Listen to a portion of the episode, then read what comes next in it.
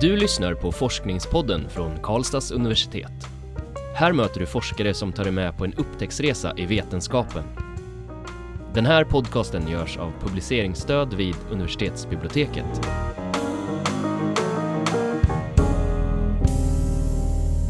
Hej och välkomna till Forskningspodden. Mitt namn är Nadja.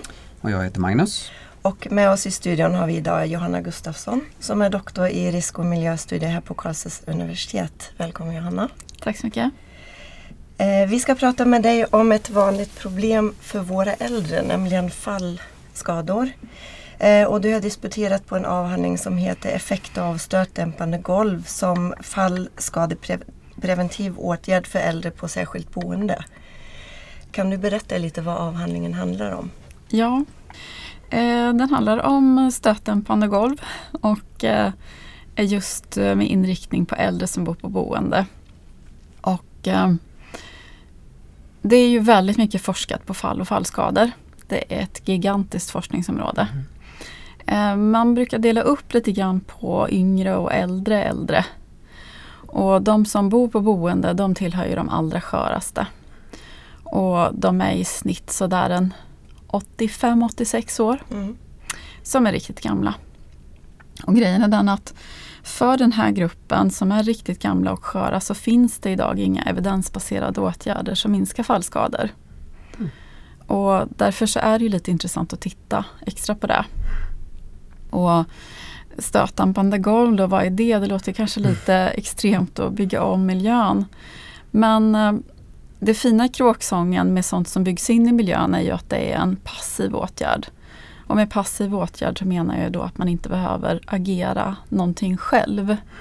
Man behöver inte ta på sig någon skyddsutrustning eller man behöver inte träna eller lära sig någonting nytt. För den här gruppen människor de är lite förbi det stadiet där man kan lära sig nya saker mm. eller utvecklas på det sättet. Eh, så den här mattan då, eller golvet, är ju någonting som är permanent installerat som ett vanligt golv. Men den är lite eftergivlig. Är det, är det i deras rum då eller är det i hela huset? Eller hur? Eh, det är i patientlägenheterna. Det är ju som ett stort sovrum med ett pentry oftast på vårdboenden. Och sen så finns det även på en del gemensamhetsutrymmen i de boenden som vi har tittat på. Och i korridor. Men de allra flesta fallen sker i sovrummet. Mm. Eh, eller i, i bostadsytan. Liksom. Mm. När man ska in och ut ur sängen till exempel? Ja, upp och ner i sängen, på väg till toaletten. Det är helt normala vardagliga aktiviteter när fallen sker. Mm. Okay. Är det mycket vanligare bland äldre? Det måste det vara kanske? Med fall? Att med fall ja. ja, det är väl någonstans eh, i 70-75 årsåldern ja, som det börjar att bli lite vanligare med fall. Utomhus ramlar vi ju lite till mans mm. när det är halt och så. Mm. Um, och barn ramlar ju såklart väldigt mycket. Om man tittar på en graf över fallskador så är det en peak vid 11 till 13 års åldern. Mm. När man är väldigt aktiv. Men då kan det vara i samband med idrott och alla möjliga aktiviteter. Mm. Lek och så. Vad får det för konsekvenser fallen som sker på boendena? Vad är det för typ av skador? Ja, bland de allra äldsta så är eh, ju höftfrakturen den vanligaste allvarliga skadan som leder till att man måste till sjukhus och bli opererad. Men när vi tittar på vilka kroppsdelar som man slår i när man ramlar och får, om man räknar in alla typer av skador, så är det huvudet som det är vanligast med skador på. Mm.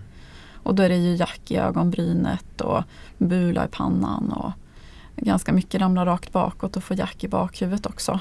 Okay. Eh, och då kan man tänka sig hur det är att landa på ett hårt golv, ett stengolv mm. eller plastmatta på betongplatta som är det vanliga. Mm. Eller ett lite mjukare material. Då. Hur fick du idén till din avhandling? Ja, det var inte jag som fick någon idé. Utan eh, det var en en, en naturlig utveckling eller att den här idén har bubblat lite grann. Eh, man har hållit på med någonting som heter höftbyxor i många år. Och det är i stort sett som en hockeybyxa med vaddering över höfterna. Mm. Och då har man ju det här eftergivliga materialet insytt i kläderna. Mm. Men då kan man lika gärna lägga det i miljön. Så den här tanken om dämpande golv finns i litteraturen från slutet av 80-talet eller sådär. Okay. Men det var väldigt lite testat. Eh, men sen så gjordes det en liten satsning på fallprevention i Värmland. Eh, ja, det är snart tio år sedan. Och då började diskussionerna komma igång och så var det en kommun som tyckte att det här verkade väldigt intressant. Så initiativet kom delvis från oss men framförallt ifrån kommunen. Och sen så blev det ju frågan om att det här kanske behövde utvärderas vetenskapligt. Då. Eh, så att vi har liksom tittat på en, ett initiativ som är taget av en kommun. Okay. Det är väldigt få satsningar som blir utvärderade på det här sättet. Mm. Eh, så det känns ju angeläget att, att lyfta att det, är, att det är viktigt. De här gormen, de, de är alltså specialtillverkade för att vara fallskadepreventiva? Ja, just det som min avhandling bygger på är det. Mm. Men annars så finns det även vanliga sportgolv som används i vårdmiljö. Okay. Inte i någon större utsträckning men det förekommer. Men, men just det här som, eh, som jag har tittat mest på det är framtaget för att dämpa eh, fallskador. Mm. Kan, kan, du berätta lite mer hur du gick tillväga i din forskning för att komma fram till de resultaten som du beskriver i din avhandling? Ja, ehm, hur gör man? hur gör man ja? Jo, eh, jag kommer från en vårdbakgrund, är sjuksköterska och har jobbat väldigt mycket inom äldrevården. Så det var ju en fördel för mig att veta hur systemet mm. fungerar. Eh, så vi försökte utforma en studie som skulle vara så effektiv som möjligt för vårdpersonal har ju tillräckligt att göra redan som det är. Men vi var ändå beroende av datainsamling från dem. Eh, så att vi har tagit eh, nytta av de kvalitetssäkringssystem som finns inom vården där man redan samlar in fallhändelser. Så att vi eh, kvalitetssäkrade det och utvecklade lite mer variabler och sen så har vi använt oss av det som man redan gör. Då. Var det i hela Värmland eller? Nej, det är bara på det här boendet. Bara på boendet. Mm. Eh, för att det var golvet finns inlagt i en del av boendet så det fick bli då undersökningsgruppen. Och så kunde vi ha de andra mm. våningarna eller avdelningarna som referensgrupper. Men sen är det också så att samma individ kan ha ramlat på olika typer av ytor så då kan man använda även mm, individen som en egen kontroll. Mm. Hur, hur, kan du säga någonting om liksom statusen? Är, är det här någonting som är på väg att komma till fler kommuner eller är det här ett väldigt unikt exempel som du har tittat ja, på? här? Alltså det är lite unikt. Det finns på ett, en handfull ställen i Sverige. Men problemet med den här interventionen det är balansen mellan olika aktiviteter och liksom behov som finns inom den här miljön. För det är en boendemiljö men det är också en arbetsmiljö. Och sen är det en sjukvårdsmiljö. Mm. Så det finns ja, det, det är underhåll, det är hygienaspekter. Mm. Det är att man ska skjuta saker som är tunga vårdutrustning, sängar och matvagnar och allt möjligt. Och man ska gå på det. Ehm, man ska skjuta rullstolar och har man en begränsad kapacitet eh, som, som äldre då så kan det här lilla motståndet som uppstår vara ett problem i vardagen för dem. Jag har väl sett att det går att få det att funka, absolut. Men det är ännu inte framme vid att vi har en produkt som perfekt balanserar de här olika liksom, behoven eller önskemålen som finns. Är det företag som tillverkar golven eller hur, hur, sker det någon dialog mellan de som producerar golven? Och? Eh, ja, när man tog fram det golvet som jag mest har tittat på så var det i samverkan med forskare. Mm. Eh, på Nya Zeeland av alla ställen. Mm. okay. eh, men de håller inte på med det här längre. Eh, sen finns det en forskargrupp på KTH i Stockholm som håller på och utvecklar eh, ett golv och så finns det en forskargrupp i Kanada. Men det är väldigt begränsat. Mm. Det här är en ganska liten produkt eller marknad för eh, golvföretagen. Vi kan tycka att det finns mycket mm. vårdytor men jämfört med hur, vilka volymer som är i andra liksom, lokaler så är det väldigt begränsat. Så det sker viss produktutveckling men det går väl inte sådär supersnabbt. Ah, okay. Och idag finns det inte riktigt en produkt på marknaden som, som vi kan rekommendera rakt av. Tror du att din forskning kan hjälpa till att liksom snabba på utvecklingen? Uh, ja, det hoppas jag ju. Um, det är på gång nu att göra en, en forskningsöversikt på de evidensen som finns på uh, effekten. Då. Mm. Och där kan ju det som jag har gjort komma in som en del. Men det behövs mer forskning som har eh, som är större volym, som kan få fram eh, ja men det är ju alltid så att först så går det lite trevande om man tänker på en forskningsprocess. Och sen så kommer man fram till att ja, men vi kanske behöver skala upp det här för att mm. se på effekterna. Um, om man tänker sig en fraktur, eller höftfrakturen kan vi ta som exempel, då är det ungefär 1-2% av alla fall som leder till en höftfraktur. Mm. Så vi måste upp i ganska stora volymer innan vi kan se effekt på den allvarligaste skadan. Då. Det. Och det är fortfarande ingen som har lyckats med det. Du började ju prata lite grann om dina resultat och så, men kan du berätta lite mer om vad, vad är de viktigaste resultaten i, i, din studie? Ja, om man tar alla typer av skador och klumpar ihop dem, allt från blåmärke till fraktur, så kan vi se att eh, det finns en potential för det här golvet att minska skadorna med mellan 50-60 procent. Mm. Så det är ju rejält. Mm. Eh, sen så har jag då eh, tittat på risken för att falla. Och det fanns indikationer från annan forskning att det kunde möjligtvis påverka risken att, eh, alltså påverka balansen helt enkelt, som man ramlar mer. Men det har inte visat någonting i, i de här studierna att det skulle vara en risk för det. Du menar själva golvet? Eller? Ja precis, mm. för det skulle vara lite tråkigt om man ramlade mer för att det blev ostadigt. Liksom. Att ostad, ja. bakant. Um, men det verkar inte vara ett problem uh, i det här fallet i alla fall. Uh, personalen de upplever lite hinder men de tycker ändå att det är lite Alltså de här hindren kan man överkomma för att eh, längtan efter att ändå göra någonting åt problemet mm. övertrumfar. Okay. Så tyckte vi att de signalerade kring det här. Mm. Eh, för problemet med fall och fallskador är någonting som de upplever att de inte har några redskap att hantera. Utan de här äldre bara ramlar, de är satta att skydda dem men de klarar inte det för att det finns ingen metod som, som är effektiv. Eh, så det upplever man ju ändå väldigt positivt. Då. Men sen när det gäller de äldre då. De tycker att det är fint att, eh, att vi, liksom samhället, gör någonting sånt här. Men de är ganska ointresserade. okay, ja. de, de har sitt fokus i helt annat. Eh, det, det är liksom den omedelbara livskvaliteten för dagen som är intressant. Mm. Och är man så här gammal och skör så, så har man fullt upp med att komma upp och sätta på sig kläder och få i sig mat. Och, och sen vill man träffa sina vänner och mm. nära och kära. Och, och äta lite god äppelkaka och så. så man är inte så intresserad av. Man vill gärna skydda sig mot fall och fallskador men, men sen kommer liksom livet emellan och mm. ja, fokus ligger på annat. Ungefär som när vi har goda förutsatser. Ja, precis. Fanns det några resultat som du inte hade förväntat dig som förvånade dig? Nej, jag har nog blivit förvånad hela vägen. Ja. Eh, det var efter några månader när golvet är installerat och jag var där och hälsade på och så. Det, det började verka som att ja, men det kanske finns någonting här, det kanske ändå har en effekt. Mm. Det var verkligen så här, oj, liksom, jaha, det var förvåning.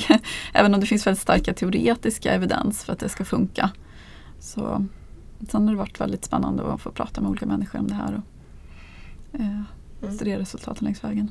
Vem, vem tror du kommer ha nytta av din avhandling? Vem borde läsa den? Ja, Eh, jag har väl tänkt framförallt när jag skrev kappan att målgruppen är människor som jobbar inom vården. Ehm, beslutsfattare, politiker på kommunal och regional och för den delen kanske nationell nivå. Mm. Och du, du, säger kappan, jag ska bara säga till lyssnarna, jag är inte säker att alla vet vad en kappa är. Det är alltså sammanfattningen av avhandlingen som det har i början. Mm, och sen har man lagt till de vetenskapliga artiklarna som mm. du har skrivit under tiden också. Ja. Eh, den här kappan då, eller ramberättelsen som mm. ramar in det hela, den är skriven på svenska så att det ska vara lite mer lättillgängligt. Um, vetenskaplig litteratur kan ju vara lite uh, krånglig ibland. uh, så förhoppningsvis så, sen Inom vården och hela det här fältet med fall fallprevention så har man varit ganska inriktad på fallförebyggande och inte så mycket på skadeförebyggande. Mm. Så att den här vinklar ju starkt mot skadeförebyggande möjligheter. Mm. Och det är någonting som eh, jag tänker att det kan vara eh, lite nytt och viktigt att lägga till som en mm. dimension av det här området. Mm. Har du mm, fått mycket uppmärksamhet eh, eller märker du av att det finns ett ökat intresse från omvärlden och från vården kring de här frågorna? Ja, det finns en hel del eh, nyfikenhet ifrån media och även ifrån de olika verksamhets, både från forskarsamfundet och eh, verksamheterna. Det, det jag funderar på, det som jag har i bakhuvudet lite grann, Ja. det som jag själv har sett lite grann på media och, det är utanför din forskning eller det här området men det är det här mer man säga, nästan estetiska intresset för eh, äldres eh, livssituationer och att man har ett, någon slags ökat fokus på boendemiljön. Alltså att man gör det mer hemtrevligt och mindre sjukhuslikt och den typen av insatser. Kan man se det här med att förändra golv och skadeförebyggande arbete i, i, den, i det sammanhanget så att säga av att mer genomgripande förändringar av hur man ordnar eh, boenden för äldre och så. Mm. Ja, mm, jag tror väl att eh, det har ju kommit väldigt mycket olika typer av boende som inte är alltså, särskilda boende i bemärkelsen biståndsbedömda enligt socialtjänstlagen. Utan seniorboenden av olika typer. Och där tror jag att det kan vara, finnas ett intresse. Mm. Det, det finns en annan medvetenhet hos de som börjar bli äldre idag om hur man vill bo och sådär. Men det finns väldigt mycket kvar att göra i hur vi utformar miljö. Mm. Um, vi såg ju att uh, den här typen av golvmaterial dämpar och gör att det blir en bra ljudmiljö. Och Mm. det upplevde man som väldigt positivt. Det finns alltså väldigt mycket som vi inte vet om idag om hur man liksom mår bäst i miljön. Mm. Okej. Så som forskningsfält så är det ju väldigt intressant med Mm. utformningen av den fysiska miljön. Som, som kan vara stöttande och hälsofrämjande. Mm. Så någon slags evidensbaserad utformning. Då är vi kanske inne på nästa fråga för jag tänkte kolla hur, vad du kommer göra framöver nu när du är färdig med din doktorsavhandling. Ja. Hur går du vidare? Ska du forska mer eller ska du gå tillbaka till vården? Eller? Eh, nej men jag ska i alla fall fortsätta med forskningen ett tag här nu. Eh, och eh, fortsätta lite grann med golven. Men också med eh, andra typer av åtgärder. Eh, just nu så håller vi på med ett projekt om halkskydd för äldre i Mhm. utomhusmiljö. Då.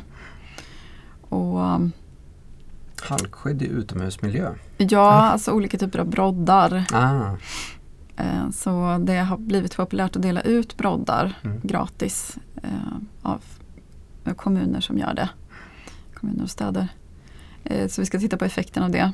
Och jag är väl intresserad av vad som kan motivera en äldre person att Mm. använda olika typer av skyddsåtgärder. Och jag tycker kanske lite grann att man har glömt eh, den delen som handlar om motivation hos den äldre. Mhm. I hela den här diskussionen om fall och fallskadeprevention så pratar man om vad som funkar och, in, och sådär men inte så mycket om vad den äldre vill och kan tänka sig. Så där ser jag väl att det finns eh, en, en lucka i forskningen Mm. idag. Det är inte så att bara för att vi vet vad som funkar så kommer folk att göra som vi säger. Ja, just det. Mm. Mm. Nej. Ja, spännande, det finns mer att göra alltså. Johanna, våran tid börjar närma sig sitt slut. Mm. Eh, är det någonting som du gärna skulle vilja få sagt innan vi rundar av som vi har missat att fråga om? Nej det tror jag inte. Det var trevligt att få sitta och prata med er. Det var väldigt trevligt att ha dig här också. Spännande att höra om din forskning och hoppas vi får höra mer om den framöver.